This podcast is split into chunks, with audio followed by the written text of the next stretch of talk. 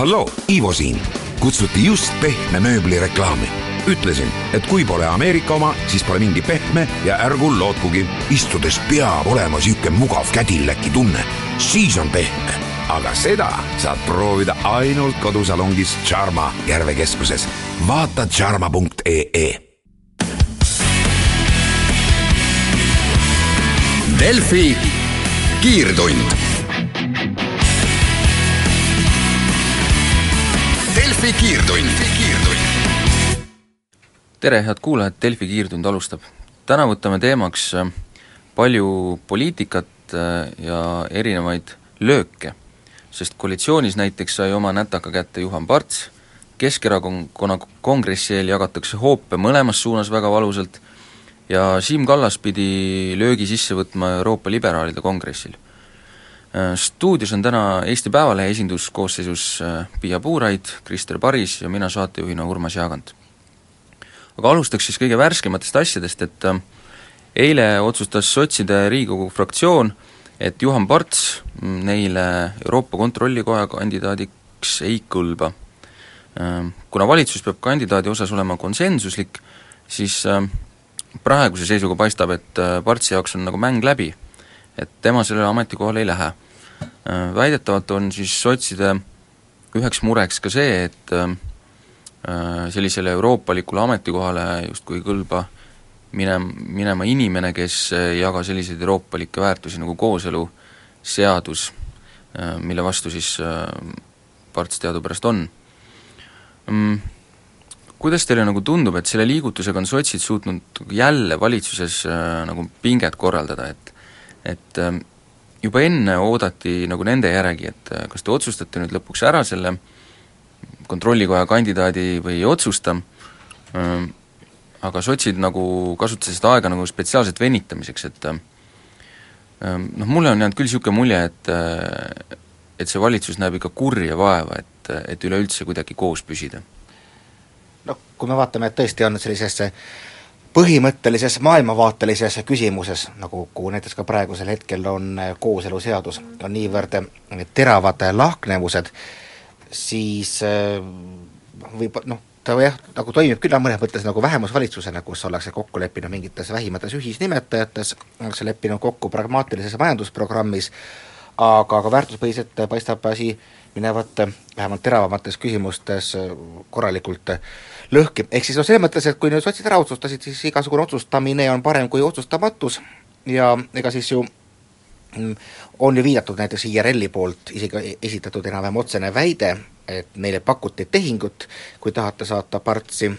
Euroopasse, siis äh, toetage kooseluseadust, noh, arvestades, missuguse positsioonil on IRL olnud äh, kogu aeg, vähemalt äh, jättes kõrvale mõned liikmed, kellest üks siis Maire Aunaste hääletas seaduse eelnõust nagu väljaarvamise vastu, ehk siis põhimõtteliselt seaduse poolt ja, ja paar inimest veel olid, ma ei tea, kas siis WC-s või igatahes mitte hääletuspuldi juures, äh, siis on see noh, ultimaatum, mille vastuvõtmise puhul oli, oli selge, et seda vastu ei võeta. teine asi muidugi on selles, et, et Juhan Partsi mm, kandidatuuri arutamine äh, võib-olla oleks läbi läinud enne, kui tuli Estonian Airi kohta otsus, praegusel hetkel Äh, on niivõrd kerge implikeerida talle äh, nii seda kui, kui ka muid äh, probleeme, ühesõnaga ta on ka kaugelt liiga haavatav. ehk siis noh, oleks olnud võib-olla mõnevõrra mm, sotside valijatele ka arusaamatu, kui nad oleksid praegu läinud kaasa tehinguga, mis oleks äh, et jäetud selgelt mulje, et tegemist on partei poliitiliste mingite kokkulepete määramistega olukorras, kus Eestit võiks esindada kontrollkojas eh, keegi professionaal ja mitte tingimata määratud poliitik. ehkki, ehkki ütleme, Parts võib olla ka professionaal selle koha pealt, jah. mulle, mulle tundub, et äh, isegi seda Estonian Airi poleks vaja olnud, et äh, vaadata, kuidas sotsid nagu hoidsid tagasi selle otsuse tegemisega, noh mis seal siis oleks olnud nii keerulist, et korra kokku saada, kas sobib või ei sobi, aga seda muudkui venitati edasi et äh, ma nüüd spekuleerin, aga täiesti vabalt võib olla, et see mõte seda asja nagu kooseluseadusega nagu ära siduda oli juba varem olemas. et äh, see, ma nüüd ei tea muidugi, kas niisugust asja on nagu enne Eestis tehtud, et äh, ma mõtlen just parteipoliitikas, et et esitatakse selline konkreetne nõudmine ja noh, sellises mõttes suhteliselt avalikult ja avatud tekstiga, et et see, et see ka kohe välja tuleb, ma kuulsin sellest ultimaatumist, mis olevat siis tehtud, ma kuulsin sellest juba eile õhtul, et see tundub nagu selline ikkagi väga järsk muutus või kuidagi väga, väga järsk stiil, sest et noh, võib-olla, võib-olla tõesti selliseid asju on tehtud kuidagi peidetumalt ja varjatumas sellises äh, nii-öelda lindude keeles on nagu räägitud omavahel sellistest asjadest ka varem, äh, kus on tehtud niisugust kaupa, aga see oli, see on ikka selles suhtes hästi otsekohene. ja mis minu arust on siin, siinjuures ka natukene veider, on see, et et ega ju äh, sotsid teavad, et äh, IRL ei saaks mitte iialgi nõustuda äh, sellise selle kooseluseadusega puhtalt juba sellepärast, et nad on valijatele sellest nii palju rääkinud oma seda vaatenurka, et et oleks väga veider, kui nad nüüd ühel hääletusel ümber otsustaksid, et et siis ongi küsimus, et mida siis ikkagi jälle taotletakse, et et kui on selge, et äh, et sealt poolthääli ei tule ja kui on, ja kui on ka selge, et nad ise partsi ei toeta, et siis oleks võinud ju selles mõttes ju ka nii jääda. seda küll, aga noh, praegusel hetkel on võimalik esiteks näidata, et me üritasime vastu tulla, kui teile on näiteks ühe inimese saatmine kuskile niivõrd tähtis, siis meie jaoks on väga ja noh, sotsi ma tunnen, nende jaoks on see kooseluseaduse läbiminek, kui nüüd noh, praegu räägime siis rakendusaktidest, aga aga väga põhimõttelise küsimusega, ehk siis noh, enam-vähem see koht, kus kõik, kõik on lubatud, ehk siis ütleme, kui praegu näiteks muuhulgas nugade peal omavahel Äh, suhteliselt Reformi ja sotsid näiteks alkoholimüügi piirangute koha pealt, siis see ei ole põhimõtteline küsimus, seal on võimalik kokku leppida ja võib-olla teema maha võtta või noh, see ei ole nagu see. aga noh, ma tean, et sotsid võitlevad üsna jõuliselt, et see, need vajalikud aktid ka lõpukokkuvõttes vastu võetaks, nii et noh, antud juhul ma arvan, et Mm, nad demonstreerisid, kuivõrd tõsine see on nende jaoks. ja no selles mõttes on jah, et äh, nad on ju tegelikult ainus erakond, kus ollakse tervenisti, terve erakond on selle eelnõu taga, et äh, Reformis, äh, teistes on ka üksikud vastaseid, aga, aga sotsid on tõesti nagu tervenisti selle taga. et äh, huvitav on ju siin ära märkida ka veel see, et tegelikult selline kauplemine noh, see, see tuleb nagu kasuks alles siis, kui läheb lõpphääletuseks. ja teadupärast see eelnõu vajab viitekümmet ühte häält, ehk siis koosseisu häälteenamust, aga seda tegelikult ei ole praegu äh, Riigikogus koos ja kuidas see kavatsetakse kokku saada, äh, ma ei kujuta ette ja ma väga kahtlen, kas selliste võtetega õnnestub kedagi endale juurde saada. aga siit läheb Delfi kiirtund äh, pausile, pärast seda jätkame Delfi kiirtund. Delfi kiirtund. Delfi kiirtund jätkab äh, viimase, kõige värskema valitsustüliga, kus siis äh, kooseluseaduse üle on raksu läinud äh, IRL ja sotsiaaldemokraadid. Selle loo juures on veel huvitav see, et mis positsiooni nagu Reformierakond peaks siin võtma. et äh, Taavi Rõivase asi on seda valitsust nagu koos hoida, äh, aga äh, mul on vahepeal selline tunne, et, et nendel hetkedel, kui, kui ta nagu parasjagu Euroopas mingit asja ei pea ajama, siis ta peabki tegelema ainult sellega, et, et kuidagi neid kisklevaid koeri kas siis enda kallalt ära ajada või neid koeri nagu omavahel lahutada mm,. Et äh, mis, mis selle olukorra nagu lahendus saaks olla, et tõ-, tõenäoliselt selle võti võiks olla äkki siis selles, et leitakse mingisugune teine, mingisugune kõigile sobiv kandidaat sinna kontrollikotta Juhan Partsi asemele siis ja kooseluseadusega läheb siis nii, nagu kõik on siiamaani plaaninud teha, et igaüks hääletab nii, kuidas nende fraktsioonis on kokku lepitud, või? selle koha pealt oli muidugi hästi huvitav see äh, IRL-i fraktsioonis toimunud väike äh, dihhotoomia, ütleksin, kus äh, ühest küljest Tsahkna vist ütles, et kõik hääletavad vabalt, et nad ei ole ette andnud parteilist korraldust selle koha pealt ja siis eh, Sibul, fraktsiooni esimees, leidis, et Mai Raunaste, kes läks teistega vastuollu, tuleks, tuleks välja heita, ma saan aru, et vist on nüüd Sibul vaba, vaba, selle eest vabandanud, et et nagu selle, nende enda seas on pinged maha võetud. no ma, ma ütlen siis vahele lihtsalt, et ma arvan, et ma eeldan, et see tuli sellest, et äh, kooseluseadus jäi ju äh, Riigikogu menetlusse ainult ühe häälega. et kui Maire Aunaste oleks näiteks ma äh, olnud samamoodi kas kuskil ära või poleks kogemata kombel jutumärkides jõudnud hääletusele, siis oleks see eelnõu üldse menetlusest välja langenud, nii et äh, eks Priit Sibul võis tol hetkel olla päris kuri, tõesti. aga jah, mis puudutab nagu sellist laiemat konteksti, siis no me kõik te teame ju, missugune on Riigikogu koosseis, ehk siis eh, senikaua, kuni me ei tea tulemusi Keskerakonna konverentsilt, ei ole prakti-, praktiliselt eriti muud eh, nii-öelda koosseisud ja, ja mängud võimalikud, ehk siis eh, need kolm peavad omavahel mingisuguseid kompromisse leidma ja noh, ütleme, üks isik, keda saata kuskile kontrollkotta, võiks, võiks olla nendest kõige, kõige väiksem, et ütleme, kas või seesama ikkagi kooseluseadus on palju põhimõttelisem. Siinjuures on huvitav ka see, et et kui ütleme, kui peaks juhtuma nii, et avanevad uued võimalused Keskerakonna kongressil, millest me hakkame ka kohe rääkima, siis oleks juba huvitav teada, et äh, Äh, ütleme, Reformierakond valimiste võitjana kindlasti vaataks kohe esimesena nagu ringi. et kumb võiks olla see kolmas, et, et kui, kui vaadata siin viimasel ajal toimunud sündmusi, ütleme kevadest alates, äh, siis Reformierakonnale on nagu jalga taha pannud mõlemad erakonnad vaheldumisi sisuliselt. et küll on Ossinovski teinud äh, mingit tsirkust, küll on, küll on IRL, et kumb nendest huvitav siis nagu peale võiks jääda noh, IRL selgelt on positsioonis, kus ta saab enda eest seista kas põhimõtteliselt turm tuld andes või, või vaikselt, vaikselt hääbudes, nii et vaadates tema jätkuvaid reitingu langusi, sõltumata sellest, kes küsitlusi läbi viib, kes näitab Keskerakonnale kümme, kümme protsenti rohkem kui teine, igal juhul IRL on nii nõrgas positsioonis, et ongi kaks varianti, kas, kas võtta kõik või, või siis mitte midagi. et noh, nagu näha, praegu on huvitavad olukorrad, kus maailmavaateliselt on paljudes nii-öelda väärtuspõhistes küsimustes Reform ja sotsid väga selgelt rohkem ühel meelel, ometi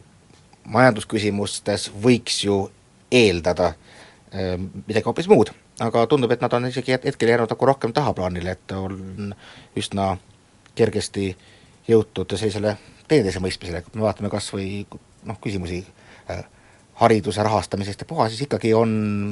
kõige problemaatilisem selles koalitsioonis minu meelest just nimelt IRL ja, ja, ja mitte niivõrd sotsid, seda ma ütlesin, nagu sotside need nõelamised on küll kindlasti ebamugavad, nad kehtestavad ennast, aga nad ei ole mitte mingil moel sellise, mis ähvardaksid eh, fataalse lõpuga, et need kõik on läbiräägitavad. Ehm, jah, et ähm, jube põnev on tõesti näha, mis siit nüüd nagu edasi saab, et kuidas see olukord ära klaaritakse, et äh, aga lähmegi siit selle, edasi nagu selle teemaga, mis siis võib seda poliitilist pilti nagu oluliselt muuta ja selleks on pühapäeval toimuv Keskerakonna kongress. Ükskõik, kes seal nagu esimeheks saab, mulle tundub, ehm, on selge, et mingid muudatused Eesti poliitikas on nagu ees. Ehm, Savisaare jätkamise puhul kindlasti väiksemad, Simsoni esimeheks saamise puhul suuremad. et milline teile nagu see viimane seis paistab, et nagu siin äh, pillutakse nagu tõrva mõlemas suunas, kuigi noh, üks kahur on selgesti tihedama tulega kui teine.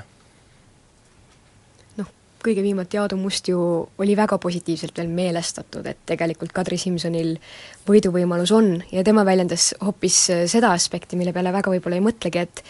et kuigi Savisaare nii-öelda lähikondlased ja see erakonna tuumik hetkel väga-väga jõudsalt võitleb küll Simsoni vastu, aga kuidas nad tegelikult reaalselt hakkavad pühapäeval hääletama. jah, seda, seda, on ka juba varem, varem äh, esile toodud, et, et seal on väga tähtis ka see näivuse faktor, et kuhu poole sa nagu näid kalduvat, et kui näiteks minu jaoks oli väga suur üllatus see, kui äh, Toomas Vitsut äh, osutus Simsoni toetajaks, et olles teda näinud korduvalt ja korduvalt Tallinna volikogu juhtimas, siis ta suutis näiteks kui ütleme, et ta juba tol hetkel, oletame, ei olnud väga Savisaare-meelne, siis ta varjas seda küll suurepäraselt. et ega me tegelikult ei, ei tea tõesti, mis nende, mis nende inimeste nagu tegelikult peas toimub ja peame ka me-, meelde tuletama, et äh, hääli annavad ju delegaadid ja hääletus on salajane.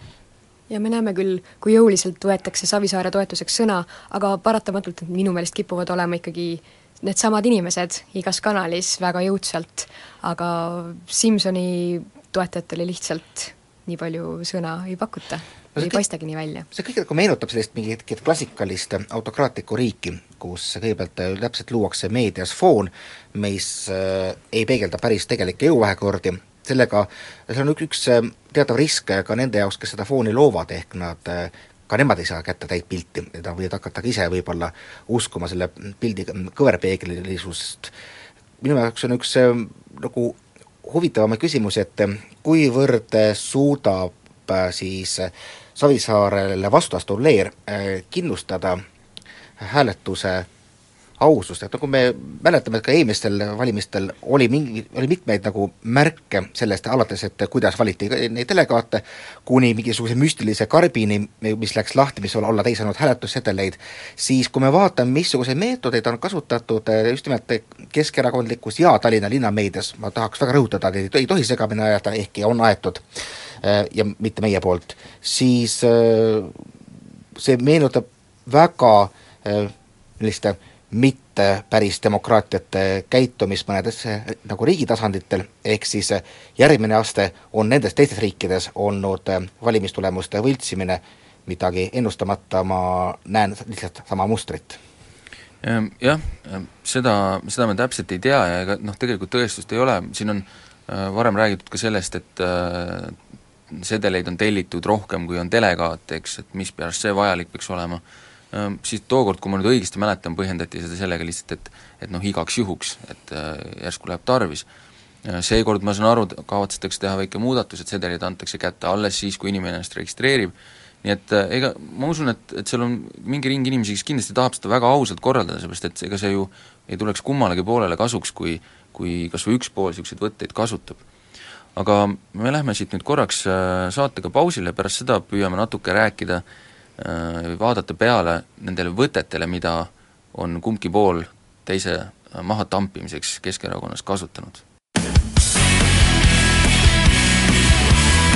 Delfi kiirtund.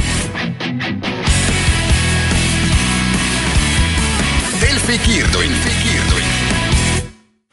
uudised kuulatud, Delfi kiirtund on stuudios tagasi äh,, Piia Puuraid, Krister Paris ja Urmas Jaagant. jäime pooleli Keskerakonna kohe-kohe kätte jõudva kongressi juurde ja äh, mõtlesin natukene rääkida sellest äh,, milline on siis viimastel päevadel välja näinud äh, see lahing kahe esimehe kandidaadi toetajate vahel. et ma saan aru, et siin relvad on tegelikult ebavõrdsed Savisaarel on kasutada linnameedia, erakonnameedia, ülistavaid artikleid ilmub meeletus koguses, vastaspoolt ma ei, ma ei kujutagi ette, kuidas on võimalik see, et kui sa ühe inimesega nii pikalt nagu tuttav ja põhimõtteliselt sõber, et sa siis järgmisel hetkel kallad ta üle nagu selliste väidete ja selliste süüdistuste ja sellise põlgusega, et on täiesti kummastav, et et kuidas teile nagu tundub, kas on üleüldse pärast sellist äh, madinat võimalik, et need kaks poolt äh, suruvad siis nagu kätt pärast kongressi, ükskõik kumb pool võidab, ja siis minnakse äh, nagu rahulikult ühtse erakonnana edasi? Kõigepealt on muidugi hästi huvitav, on see, sama nagu meedia aspekt, see näitab, et siiski usutakse demokraatlikku protsessi, muidu ei oleks ju mõtet vaeva näha. ehk siis kui võib-olla veel ütleme nii-öelda kaugemale vaatlejale, kes erakonda äh, sisemaaliselt väga ei tunne, võis tunduda mõni aeg tagasi, et noh, Keskerakond on selgelt noh, kas ve-, ütleme, vertikaal, juhitakse ülevalt, siis see, kuidas praegu üritatakse just nimelt propagandaga veenda erakonna lihtliikmeid, siis kelle jaoks see muidu mõeldud on, see näit-, näitab, et on ikkagi usk, et inimeste meelsuse kujundamine on ka selles erakonna sees vajalik. tead, ma ütleks pigem mulle näib, et see võib olla kaalu-, selle kaalutlusega, et et lihtsalt ühtegi vahendit ei ole mõtet jätta kasutamata. Et äh, kas see, kas see aitab või ei aita äh,, kui meil on see ruum, see lehepind äh, rohelise pealkirjaga kesknädala all olemas, siis kasutame selle lihtsalt ära äh,, noh, mis seal, mis seal nagu vahet, et äh, kõik äh,, kõik relvad tööle. et jah, nagu päris hirmus ikkagi mõelda,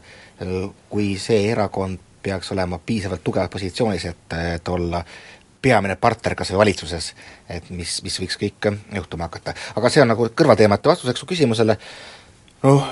meil oli ka täna selles lehes lugu, kus psühholoogid kommenteerisid seda ja ütlesid, et taolistes organisatsioonides ongi eriti mingites üleminekufaasides teravad väljaütlemised loomulikud ja kui me vaatame üldse, siis nagu keskmine poliitik on kasvatanud endale ka aja jooksul üsna paksu naha, ehk ta võib-olla ei võtagi seda kõike nüüd nii väga isiklikult, aga jah, see tase, mis on nüüd tulnud just nimelt väga nagu isiklikult ja väga niimoodi nagu allapoole vööd, ma pean silmas näiteks märksõna viljatu kasutamist ja nii edasi, see ma kardan küll, et ütleme, äh, professionaalsel tasandil võib mingi hetk äh, koostöö jätkuda, aga noh, usaldusest ei saa, ei, ei tohiks ju enam saada üldse rääkida. et kui me alguses mõtlesime, äh, või arvan, et paljud mõtlesid, et kui Kadri Simson hakkas Savisaare vastu kandideerima, et eks ta üks pakas uhha ole ja nad mängivad kõik oma, oma rollid ilusasti maha, siis ja, ja see oleks võinud on, anda edasi eh, panuse või aluse just nimelt viljakale ja usalduslikule koostööle ka tulevikus, siis noh, praegusel hetkel see, mis vähemalt välja paistab, see peaks olema, ma ei tea, ülima kõrgema klassi näitemäng. see jah, tänases lehes eh, psühholoogid rääkisid ka seda, et tõesti sellisest olukorrast on võimalik välja tulla ainult siis, kui kõik pooled andestavad teineteisele ja korraldatakse organisatsioonitöö seminare ja viiakse läbi selliseid konver-, jah, õpitubasid. aga vaevalt, et Keskerakond nüüd sellise seminari püsti paneb, kuhu siis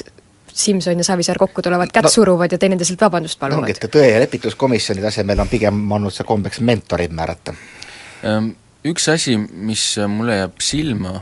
sellises avalikus arutelus on ka see, et väga palju räägitakse Edgar Savisaare kampaaniast, mis on selles mõttes nagu loomulik, et see paistab nagu lihtsalt niivõrd jõhkralt silma. aga kas teil on silma jäänud, mismoodi Kadri Simson oma endale toetajaid kogub, mismoodi tema kampaania välja näeb? jaa, ja täiesti väga mõistlikult, ta näiteks minu meelest ka praegusel hetkel, ma võin eksida, aga on kuskil Lõuna-Eestis, vähemalt oli seda minu meelest eile, ehk siis ta käib ja töötab nendega, kellega vaja, ehk siis eh, inimeste ja delegaatidega näost näkku ja silmast silma, et tegelikult ongi selles mõttes on huvitav seesama ühelt poolt suur avalik kampaania, just nagu oleks vajalik võita äh, riigis valijate poolehoidu, kui tegelikult äh, sa pead kindlustama, et sinu poolt oleksid konkreetsed inimesed, kellega nagu rääkida näost näkku. mis muide, on olnud ju siiamaani peetud nende poolt, kes on Savisaarega rohkem kokku puutunud, äh, just nimelt tema tugevuseks. ta on väga suurepärane inimene üks-ühele rääkima ja mitte niivõrd tegema sellist massipropagandat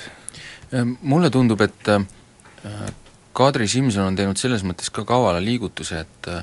et kõigele sellele, mis järgneb, ütleme, Savisaare leerist, kõik need süüdistused, kõik need etteheited ja ja kogu see sopp, mis kaela kallatakse, et sellega tegelemine, mulle viimasel ajal näib, on jäetud teiste inimeste kaela, et et tema ise tegeleb maakondades, piirkondades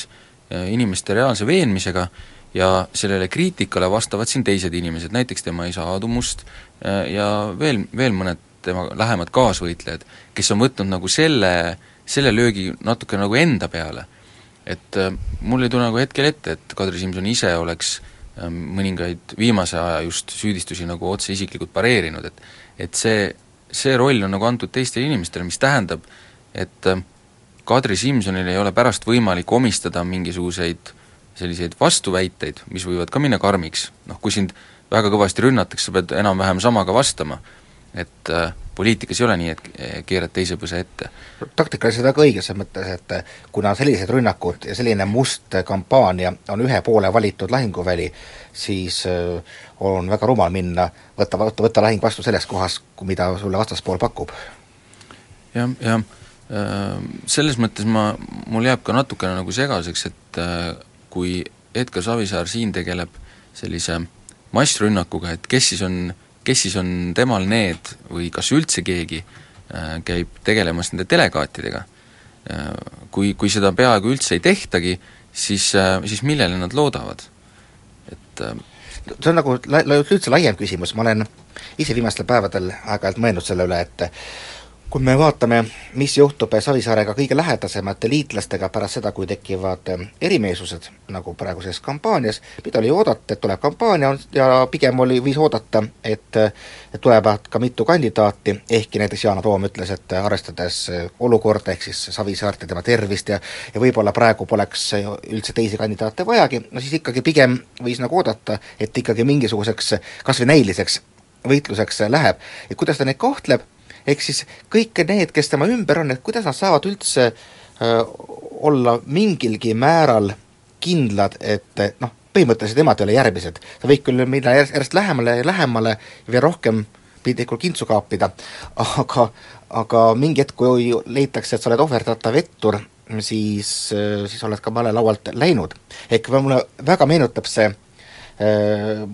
David Vsejovitti, keda ma alati rõõmuga äh, ja pühapäeviti kuulan, nii palju asju tuleb tuttavad ette, jah, ma ei taha üldse võrrelda võimsuse poolest Jossif Vissarionovitši Edgariga, aga, aga mingisugused võtted on üsna sarnased. Ja, ja just, just, et mis on see nagu faktor, on see siis tõesti, et Edgar on nagu ainukene, kes suudab neid üldse kuskil hoida püüne peal, hirmufaktori juttu ju noh, tal ei ole, palju puuduvad ju mahalaspistsalgad piltlikult, et see on väga huvitav nagu psühholoogia, et mis koondab neid inimesi ümber, kes on näidanud igal sammul, kui kergesti ta võib äh, oma endist liitlasi reeta. Äh, mulle tundub, et selle erakonna koospüsimine, millest ka me enne rääkisime, äh, Aadu Musta sõnade järgi ja ma usun, et need võivad olla täitsa õiged, et et selle erakonna kas lagunemine või koospüsimine sõltub just nimelt Edgar Savisaarest, et kumba ta ise tahab. Selles mõttes me kindlasti äh, näeme kas, kas mingisuguse osa eraldumist, kui, kui Savisaar peaks jätkama, äh, aga terve erakonna lagunemine on tõenäoliselt tõesti võimalik ainult siis, kui Savisaar ise seda tahab või siis, kui Kadri Simson peaks võitma. aga seda, mis seal nagu täpselt toimuma hakkab, seda me näeme mm, siin paari lähema päeva jooksul, sest äh, kongress hakkab pihta juba pühapäeval, äh, kindlasti on Delfi ja Päevaleht seal kohal ja tõenäoliselt saab üles kajastatud pea iga viimane kui lause, mis seal öeldakse. siit läheb äh, Delfi kiirtund nüüd korraks äh, pausile, kui me tagasi tuleme, siis räägime natukene ka mittepoliitikast äh, ja jutuks tulevad kadunud noored. Delfi kiirtund. Delfi kiirtund, kiirtund Delfi kiirtund jätkub saate viimase osaga ja selle kavatseme täita sellise äh, sotsiaalse probleemiga nagu äh, kadunud noored. Äh, Eesti Päevaleht kirjutas paar päeva tagasi, et meil on peaaegu kolmkümmend viis tuhat noort, kes sisuliselt ei tee Eesti mõistes mitte midagi. Nad ei õpi kuskil, aga ei käi ka tööl. Riigikontroll on ka juhtinud tähelepanu, et need inimesed tuleks justkui kuidagi kodust välja saada, aga paistab, et äh, mõningad neist kindlasti äh, tahaks, aga ei saa, aga on ka mingi hulk inimesi, kes lihtsalt ei tahagi. et äh, pigem miks need noored inimesed, kes peaksid ju olema aktiivsed, ma ei tea, ambitsiooni täis, tahtma kuhugi jõuda, miks nad on jäänud niimoodi tühjale väljale nagu kõlkuma?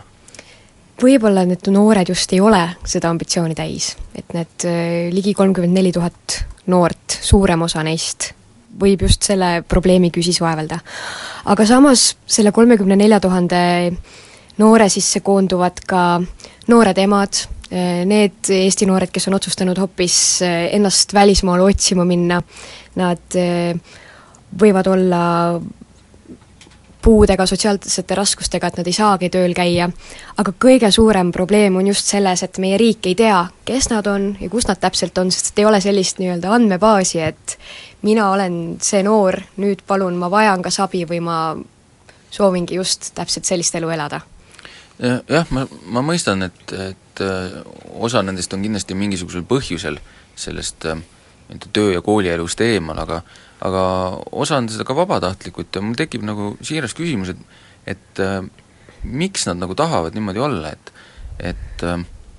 variante ju peaks olema, mida, mida Eestis saab teha probleem ongi selles, et neid variante on liiga palju ja see noorte põlvkond, mida ma ka esindan eh,, vaevlebki just selle valiku rohku, valikute rohkuse kä-, rohkuse käes. et eh, sotsiaalsed standardid hakkavad järjest rohkem muutuma, et ei ole enam niimoodi, et sa lõpetad kaheksateistaastaselt keskkooli, lähed päevapealt kas tööle või kooli, siis saad äh, pere ja niimoodi see elu veerebki. vaid tööl hakatakse käima juba kooli kõrvalt poole kohaga, siis minnakse paariks aastaks välismaale kogemusi saama, ennast täiendama, tullakse tagasi, äkki luuakse pere, minnakse alles pärast seda tööle, et noored tahavad elada natukene teistmoodi, nad ei taha elada niimoodi, nagu siiamaani seda tehtud on. ja selles mõttes mul nagu, mind väga ei pane see muretsema, et riigil puudub ülevaade, mul on hea meel tegelikult, et riigil puudub ülevaade inimeste elu iga, iga aspekti üle ja, ja ehkki see on noh, võib-olla, võib-olla, võib-olla murettekitav, siis esiteks ma saan aru, et päris suur hulk nendest ei ole neid, kes tegimata abi vajaksid, et nad saavad endaga piisavalt hästi hakkama ja see on nende valik, mitte nii-öelda nähtavalt ühiskonda panustada, et on olemas ka teistsuguseid ühiskondi, kus äh, sinu piltlikult vanaisa oli kaevur, isa oli kaevur, sina oled kaevur ja sinu laps saab kaevuriks, sellele vaatamata, et kaevandust enam keegi ammugi mitte ei vaja. aga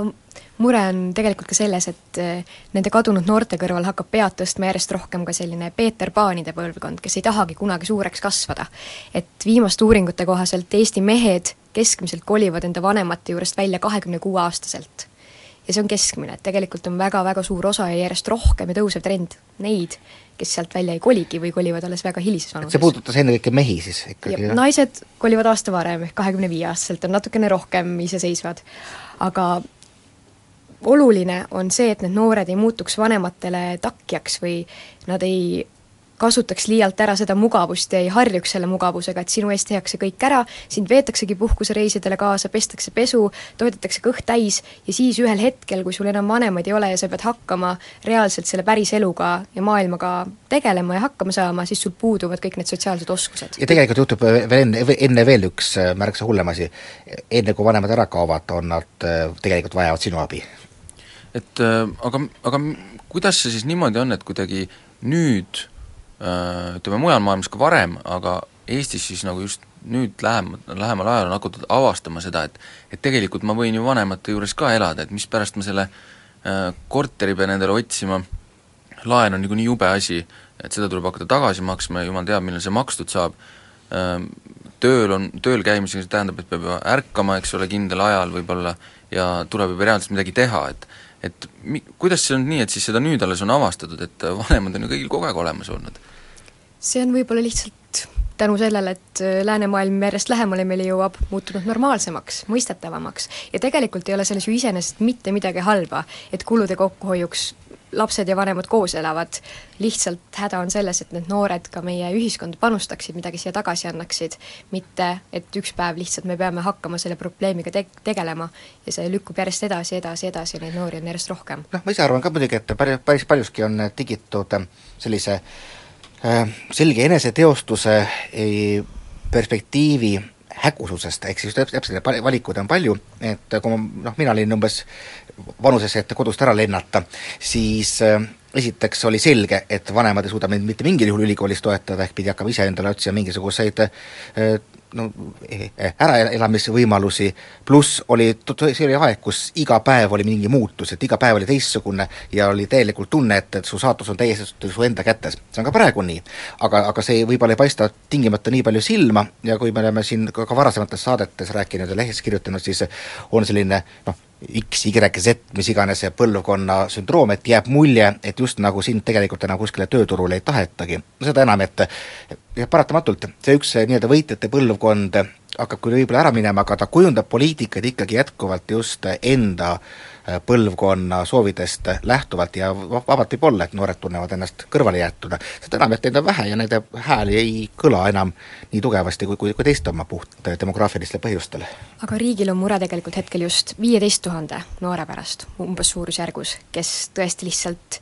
ei oskagi enda eluga midagi pihta hakata, nad ei tea, kust alustada, kuidas saada tagasi tööturule, kooli ja selleks ongi tegelikult eh, nii avatud eh, noortekeskuste ühendus kui ka igasugused erinevad eh, taolised grupeeringud järjest rohkem hakanud püüdma neid noori, nendega looma kontakte, neid viima käe kõrval, kui tarvis, Töötukassasse, koolitustele ja